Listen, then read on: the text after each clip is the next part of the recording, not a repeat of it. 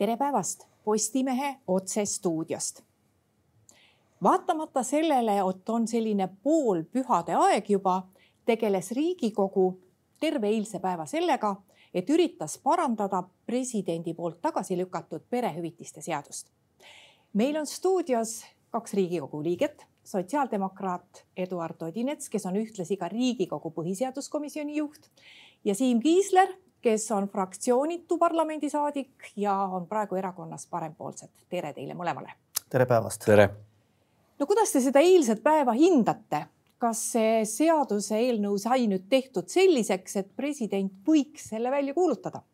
ma võib-olla alustuseks tsiteeriksin meie fraktsiooni aseesimeest, kes kolmandal lugemisel pidas kõne ja alustas seda sellega, et on alles päev tõepoolest oli alles päev, aga siiski tundub, et äh, see perehüvitiste seaduse, perekonnaseaduse ja töölepingu seaduse muutmise seadus sai selliseks, et president saab selle nüüd äh, välja kuulutada. Siim, sina olid see äh, saadik, kes hääletas selle seaduse vastu ka siis, kui enamasti kõik teised poolt hääletasid ja nüüd ka. no mitte enamasti, vaid kõik teised, kaasa arvatud sotsiaaldemokraadid. tegelikult ei muutunud ju mitte midagi, et president juhtis ju tähelepanu lisaks sellele juriidilisele probleemile ka sisulisele probleemile selle seadusega. mööndes küll, et ta ei saa sealt otse, otseselt panna näppu peale põhiseadusega vastuolule. aga ta nägi seal väga suuri probleeme just erineva kohtlemise osas, erinevate gruppide erineva kohtlemise osas. ja selles suhtes ei muutunud ju mitte midagi ja täpselt samamoodi nagu eelmine kord mina olin ainuke vastuhääl, olin ka seekord mina siis parempoolsete esindajana ainuke vastuhääl, teised kõik poolt no eile juhtus veel mitu asja, sest et äh, teid, Eduard, üritati süüdistada ka selles, et te ei pidanud kinni koalitsiooni kokkuleppest ja üritasite sellest saatest teha või sellest seadusest teha midagi sellist, milles koalitsioonis kokku ei olnud lepitud ja tegelikult eh, tahtsid seadust rohkem muuta ka keskerakondlased. miks siis nii, et koalitsioonis lepiti kokku, aga eile veel üritasite midagi muud teha? no selles mõttes ma arvan, et need süüdistused on alusetud, sest Sotsiaaldemokraatlik Erakond on pidanud koalitsioonileppest kinni ja selle seaduse äh, normaalsel menetlemisel kuni seitsmenda detsembrini äh, me toetasime ja hääletasime poolt kuigi äh, ka kolmandal lugemisel, seitsmendal detsembril meie fraktsiooni esimees pidas kõne ja ütles, et me teeme seda raske südamega ja esimesel võimalusel asume seda seadust parandama, et seda ebavõrdsust ja ebaõiglust äh, tasandada. ja see võimalus tekkis kohe kahe nädala pärast president andis meile selle võimaluse ja me, äh, pidades silmas oma varasemaid lubadusi teha see seadus korda, asusimegi seda eile tegema. meil see ei õnnestunud. loomulikult me oleme nördinud, aga siiski ju toetused suurenevad, nii äh, ühe-kahe lapsega perede toetused suurenevad, suureneb üksikvanema toetus äh, suurenevad äh, paljulapseliste perede toetused ja sellepärast mitte kõik sotsiaaldemokraadid, aga enamik meie fraktsioonist ikkagi eile samuti toetas seda seadust, kuigi taas raske südamega ja pidades silmas, et see ebavõrdsus ja ebaõiglus ei ole kõrvaldatud ja ka eile me ütlesime oma viimases kõnes seda, et järgmisel võimalusel, esimesel võimalusel me proovime seda taas parandada. Siim Kiisler, kas seda seadust oleks üldse olnud võimalik, kas seda on üldse võimalik parandada, kas sellisel moel oleks olnud võimalik, nagu Eduard Odinets just kirjeldas, oleks võinud võimalik olla selle poolt hääletada? no osa asju on seal väga lõplikud ja just kõige suurem probleem on see elukallidusega seotud indekseerimine ehk kulude tõus seoses äh, Äh, peretoetuste osaga. ja no ma vaatasin selle eelnõu seletuskirjas, et kui, kui valitsuse hinnang on, et järgmine aasta ta läheb äh, maksma sada kuuskümmend viis äh, miljonit eurot ümardatult, see nüüd see lisakulu, mis selle eelnõuga tuli, siis kahekümne kuuendal aastal on see juba kakssada kakskümmend viis miljonit eurot.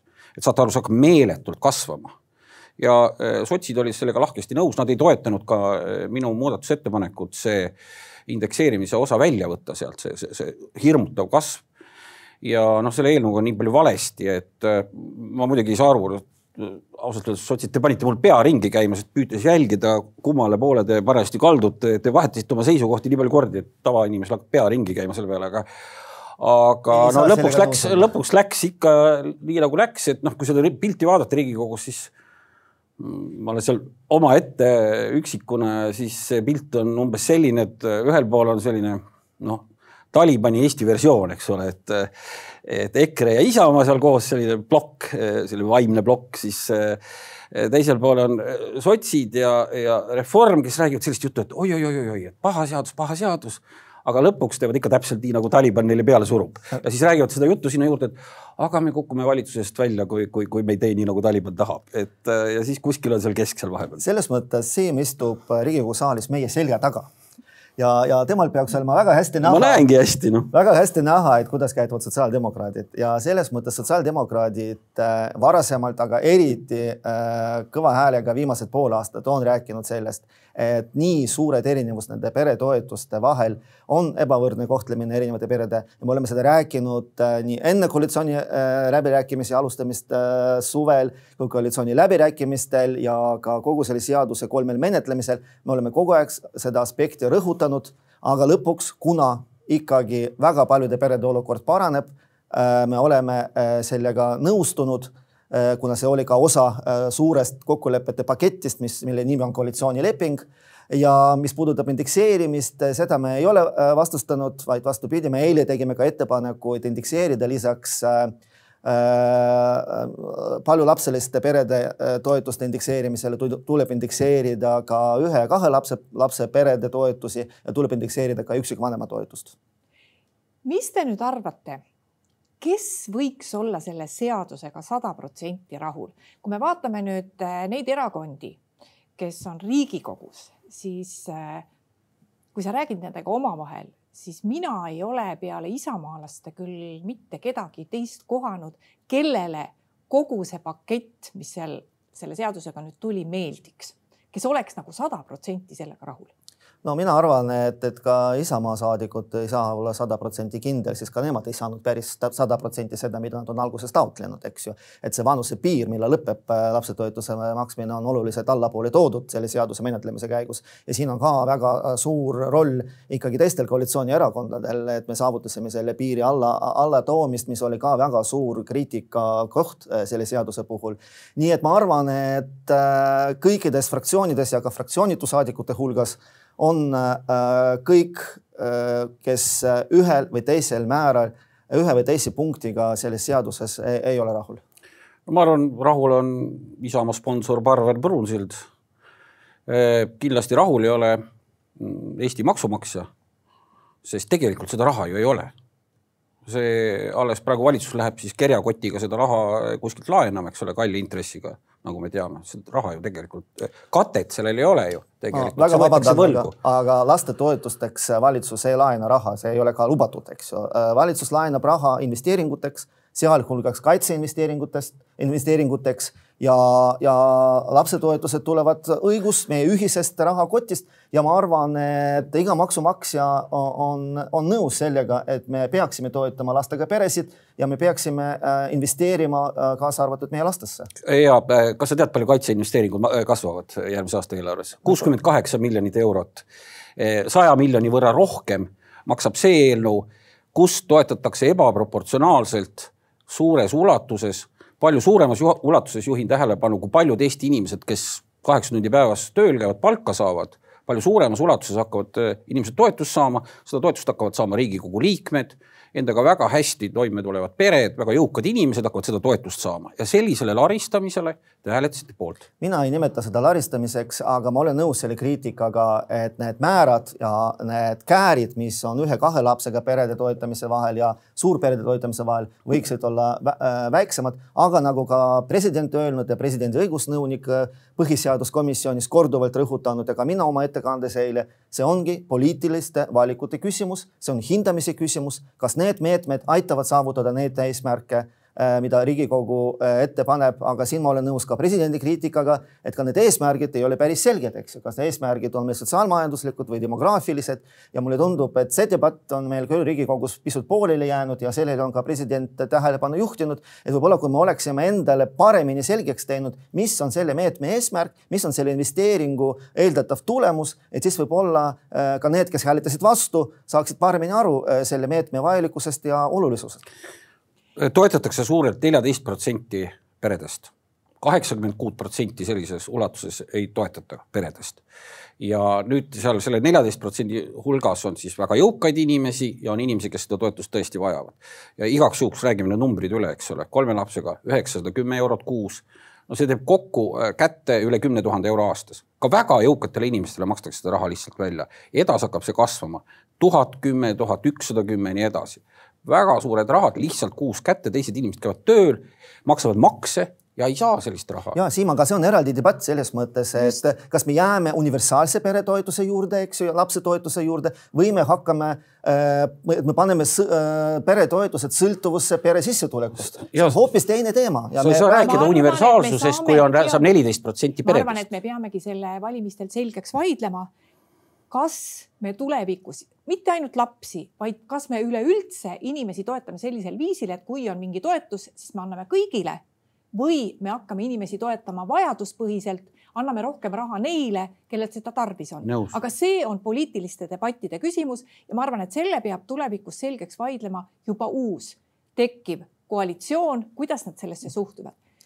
ma to tooksin selle eilse arutelu juures veel ühe nagu sellise suhteliselt ebameeldiva asja välja, mis juba kohe pärast seda hakkas vaikselt tekkima no rohkem küll selliste noorpoliitikute seas, isegi ministrite seas. vaat kohe pärast seda, kui president oli öelnud, et seda seadust ei saa välja kuulutada, sest see on põhiseadusega vastuolus, oli meil ka osa poliitikuid, kes hakkasid ründama riigipead. no tavaliselt presidendid ei vasta poliitikute kriitikale. presidendid ei hakka pidama sõnasõda poliitikutega, seda ei ole ükski president teinud, kuigi meil on ka olnud presidente, kelle varasem taust on olnud seotud mõne erakonnaga, praegusel presidendil ei ole, siis reeglina riigipea sõnasõda poliitikutega ei pea. ja ma usun, et te olete ka mõlemad nõus sellega, et kindlasti riigipea ei jätnud mingitel muudel emotsionaalsetel põhjustel seda seda seadust välja kuulutamata, kui ainult sellel põhjusel, et see oli põhiseadusega vastuolus ja president peab seda tegema. Äh, minu arvates president tegi oma tööd ja, ja, ja tegi väga hästi ja osutas väga õigetele kohtadele. ma lihtsalt täpsustan, et põhiseaduse vastuolu on nähtud äh, mitte perehüvitiste seaduses, vaid perekonnaseaduse muutmise seaduses, nendes sätetes, mis puudutavad elatist. küll aga president lükkas seadust tagasi ka muudel kaalutlustel, mis puudutavad just seda ebaõiglust ja ebavõrdsust küll aga president juhtis tähelepanu ainult indekseerimisele. No mina olen ise mõelnud ja ma olen tegelikult nii oma ettekandes kui ka põhiseaduskomisjoni istungil, kus seda teemat käsitleti, korduvalt üritanud aru saada, kas selline ka ebavõrdne kohtlemine erinevate eh, peretüüpide osas ei ole põhjus, miks seda seadust saaks pidada äh, mitte, äh, põhiseadusele mittevastavaks. aga, aga me oleme jõudnud oma aruteludega, ilmselt ka president on selleni jõudnud, et see ei ole see põhju, põhjus et kui me eelistame suuri peresid, et see on põhiseadusega kuidagimoodi vastuolus. kuigi äh, mul ka pärast eilset arutelu ja pärast arutelu põhiseaduskomisjonis ikkagi jäi kripeldama see teema, siis kui me võtame seda põhiseaduse paragrahvi kakskümmend kaheksa, mis räägib äh, riigi kohustusest toetada suurperesid ja sinna juurde võtame paragrahvi kaksteist, mis räägib võrdsest kohtlemisest et kui need koos mõjusse panna ja koos mõelda selle peale, et ikkagi mul jäi see kripeldama, kas on ikkagi need sätted ja nii suured erinevused äh, toetusmäärades põhiseadusega äh, kooskõlas. president siin seda ei leidnud ja, ja ongi niimoodi jäänud, et selleks, et president saaks seaduse välja kuulutama, tuligi muuta ainult need sätted, mis tegelikult väga suuri diskussioone äh, Riigikogus ei tekitanudki. Aga teistel asjaoludel seda president vastuolu ei näinud, aga võib-olla, ma ei tea, kui mina oleksin president, võib-olla ma käituksin teisiti. ja president käitus väga väärikalt ja ma kuidagi ei aktsepteeri seda, kuidas teatud poliitikud hakkasid haukuma presidendi peale.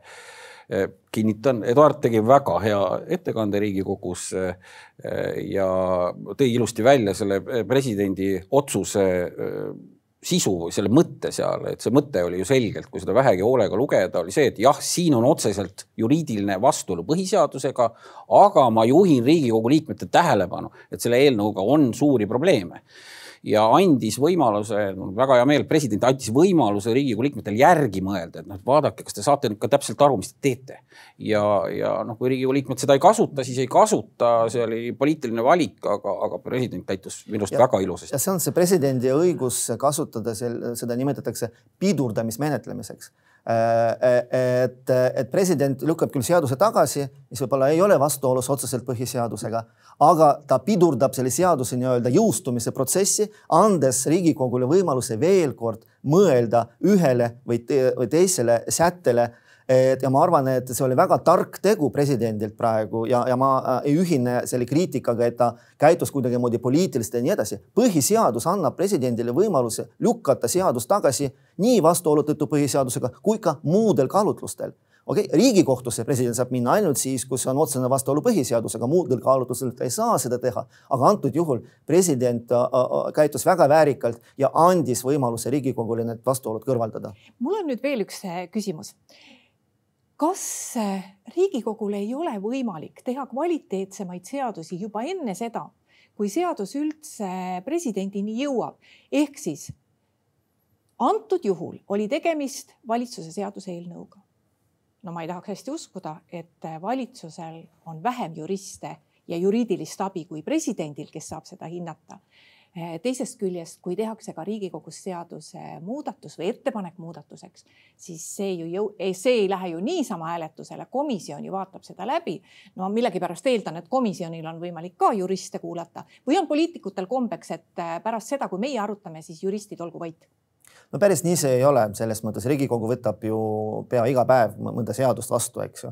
et, et selle kallal töötavad ikkagi, ma arvan, parimad Eesti õigusloojad ja, ja juristid, et ilmselt selle sätte puhul, mida antud juhul president pidas põhiseadusega vastuolus olevaks, ehk siis seda sätet, mis oli õigusselgusetu et siin need juristid nii justiitsministeeriumis, kes seda tegelikult ette valmistasid, äh, kui ka, kui ka Riigikogus ei märganud seda õigusselgusetust. ilmselt kõikidele teistele oli see õigusselge aga siin ongi see teema, et kuidas tehakse kindlaks, kas on õigusselge või ei ole, üritatakse tõlgendada ühte või teist sätet ja sellepärast presidendil läkski kaks nädalat, et ta üritas tõlgendada, kas võttes arvesse kõikvõimalikud seletuskirjad, stenogrammid, küsimused-vastused, äh, kogu diskussiooni, mis Riigikogus oli, kas seda sätet on võimalik ühetaoliselt tõlgendada? Ja president jõudis arusaamani, et ei olegi võimalik.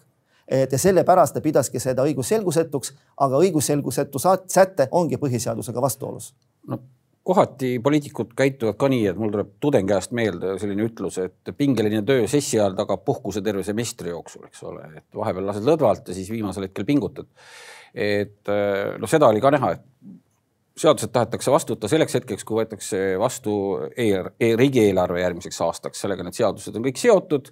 vaadatakse, palju seal siis võlgu peab võtma, e, nii edasi. Ja, ja selle tõttu siis hakkavad tähtajad umbe jooksma. Ja siis tuleb keegi hea mõttega, et lisame sinna, nagu ma aru sain, sa võid täpselt neid nüansse kirjeldada, et lisame sinna ühe lause juurde ja siis keegi teine tuleb veel mõttega, paneme selle teise lause ka veel sinna juurde, et siis, e, mis oli siis antud juriidilise selgusetuse põhjus, et see ju tegelikult lisati. üsna viimasel hetkel. viimasel hetkel lisati ja siis ah, las läheb, meil on tähtajad ees ja siis enam ei ole aega süveneda, et see poliitiline tahe jah, sellisel hetkel läheb poliitiline tahe, paneb üle, et enam ei võeta aega maha, ei jõuta süveneda. jah, no ma just ütlesin, et, et Riigikogu ka oli keskendunud ikkagi nende äh, perede toetamisele, laps, lastetoetuste ja nende määradele ja, ja need diskussioonid olid väga ägedad et, et äh, tõepoolest, no ka sotsiaaldemokraadid on juhtinud tähelepanu kogu selle protsessi jooksul, et, et see võib tekitada ebavõrdsust, see, see ei pruugi olla õiglane ja nii edasi. ja, ja ilmselt äh, see üsna viimasel hetkel lisandunud lause, mis puudutab elatiste määramist, et see jäi äh, tähelepanuta või selles protsessis tõepoolest kõigile tundus, et see asi äh,, see, see lause ja, ja, ja see regulatsioon on väga selge no nüüd tuli välja, et ei ole selge ja Riigikogu üsna üksmeelselt nõustus presidendiga ja, ja ma loodan, et nüüd on see lause selge või tegelikult see lause on sealt üldse ära võetud ja alles jäänud tekst on selge ja, ja me saame selle seadusega edasi liikuda. no vot selle seaduse puhul on ju veel selline emotsionaalne foon, et kui iga seadus ei puuduta nagu nii palju inimesi väga emotsionaalselt ja väga teravalt, siis see seadus puudutab, sest me küll rääkisime sellest, et äh, ta võib-olla ebaõiglaselt toetab ka inimesi, kes saaksid isegi hakkama ja ei peaks seda abi maksumaksjalt võtma. aga me ei saa unustada, et ta toetab siiski ka väga paljusid neid inimesi, kes tõesti vajavad seda toetust. ja no midagi ei ole teha, Eestis on peresid, kes elavad palgapäevast palgapäevani ja võib-olla ikkagi mõned neist olid juba arvestanud sellega, et nad saavad selle raha kätte. ja vaat, kui selline selgusetus on õhus, ühelt poolt sa nagu juba oled teada saanud, et noh, seadus on vastu võetud, sa võid selle summaga arvestada, teiselt poolt, kui hakkab selline vaidlus, siis nende inimeste emotsioonid on teistsugused hoopis. sellega võiks arvestada. kindlasti, aga ma juhin tähelepanu ka see, et see seadus, mis nüüd ilmselt jõustub, selliseid, selliseid lubadusi ei andnud mitte üks Riigikogu erakond oma vali, valimiste ajal Riigikogusse kandideerides, mitte keegi ei lubanud midagi taolist. et ta on ikkagi selline noh, ühe ärimehe mõte, mis siis nüüd äh, lobistati ja robistati läbi ja, ja tegelikult äh, seal ei ole taga sellist pikemaajalist, noh, nagu ka president viitas, ei ole seal taga põhjendusi, ei ole seal taga analüüse ja, ja ei ole seda läbitud, seda tasakaalukat arutelu, et mida me teeme, kas me päriselt aitame sellega iivet tõsta või me peaks ikkagi eh, mõtlema, et, et seal, kus enamus peresid on, et äkki neid peaks rohkem toetama, et äkki sealt saaks rohkem iivet, eks. tegelikult seda debatti ei ole ühiskonnas toimunud.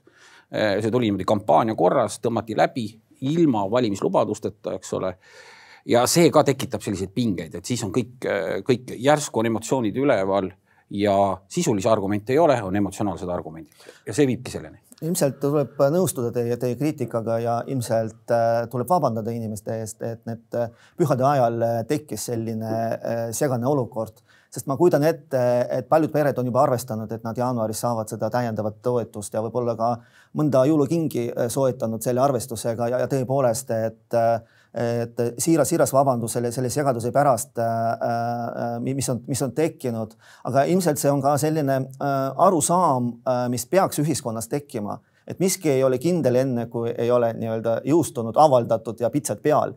et aga, aga no lõpuks ikkagi selles mõttes äh, mis siis, et mitte esimesest jaanuarist ei tule see lisaraha, tuleb esimesest veebruarist ja siis kunagi kevadel, no mitte kunagi, vaid maikuus tasaarveldatakse ja, ja pered saavad kõik oma, oma toetused õige, õigesti kätte.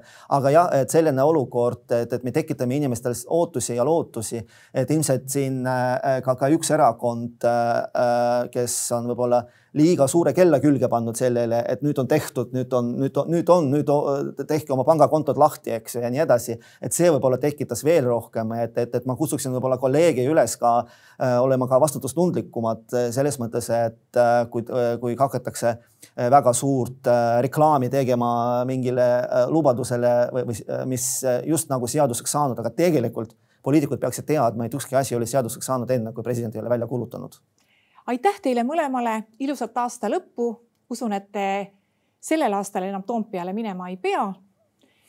ja aitäh ka kõigile neile, kes meid vaatasid. nii palju veel, et Postimehe järgmine otsesaade on eetris juba homme. seniks lugege uudiseid postimees.ee